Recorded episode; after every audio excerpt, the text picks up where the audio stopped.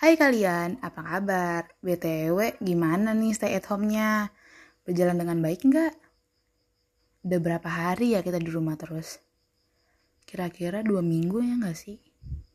Cuman diem di rumah, nggak menjalankan rutinitas di rumah tanpa keluar rumah. Ada, bosan banget nggak sih? Eh, ini hari Minggu ya? Ya ampun, gue sampai lupa hari loh.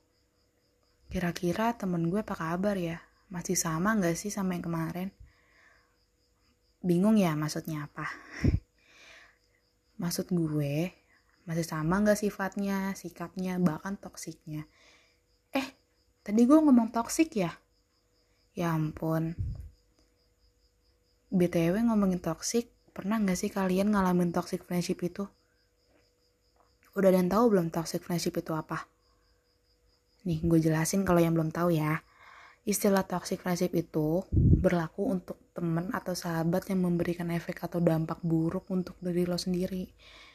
Kayak bukan yang bikin happy, malah makan hati. Ya gitu deh, namanya juga toxic friendship. Uh, tapi kalian pernah gak sih ngalamin itu? Di masa apa? Di SD, SMP, atau SMA? Kayaknya mayoritas emang semua jenjang pendidikan pasti ada deh toxic friendship gitu. Bahkan sampai perkuliahan bahkan sampai ke jenjang bekerja juga pasti ada. Hmm sebenarnya gabung sama toxic friendship itu gak ada untungnya sih. Karena jujur dulu dari zaman SD sampai SMA juga gue terlibat sama toxic friendship. Dan gue ngerasa diri gue sia-sia aja gitu. Dan pertama yang dirasain itu pasti takut kalau lo mau keluar dari toxic friendship. Karena lo setiap hari ketemu mereka bergausanya sama mereka dan kalau lo keluar lo takut nggak punya teman. Ya nggak sih? Ya dong kayak gitu. Pasti lo takut lo nggak ada temen tapi sebenarnya bukan itu caranya. Cara lo keluar ya lo dorong diri lo sendiri untuk keluar dari toxic friendship. Gimana pun caranya Sebenarnya kalau ngomongin teman racun tuh nggak ada habis-habisnya deh. Karena yang nggak ada akan akhir nggak ada akhirnya kalau bukan lo yang nyelesain ini semua. Uh, kunci dari semuanya itu adanya di diri lo semua. Kalau lo mau keluar, lo bisa keluar.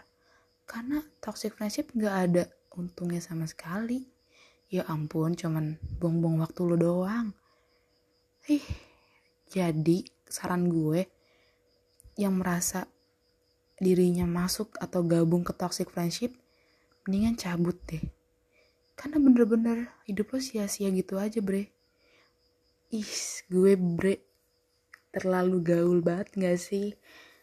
Enggak, kita di sini ngomong santai aja, biar nggak terlalu kaku. Hmm, jadi balik lagi ke topik awal, kayaknya mendingan cabut aja deh kalau dari toxic friendship itu, karena bener-bener nggak ada untungnya dan cuma buang-buang waktu. Jadi saran gue untuk yang masih bergabung atau ada di dalam circle toxic friendship lo harus dorong diri lo sendiri untuk keluar dari zona itu. Temen gak itu doang kok. Lo lihat sekeliling lo lo cari temen yang lebih baik temen yang bisa ngerangkul lo dalam sebuah hal yang positif bukan cuma negatif aja. Oke setuju nggak sama omongan gue tadi Setuju ya? Ya udah, saran gue sih itu aja. Semoga ambil baiknya, buang buruknya, oke? Selamat malam.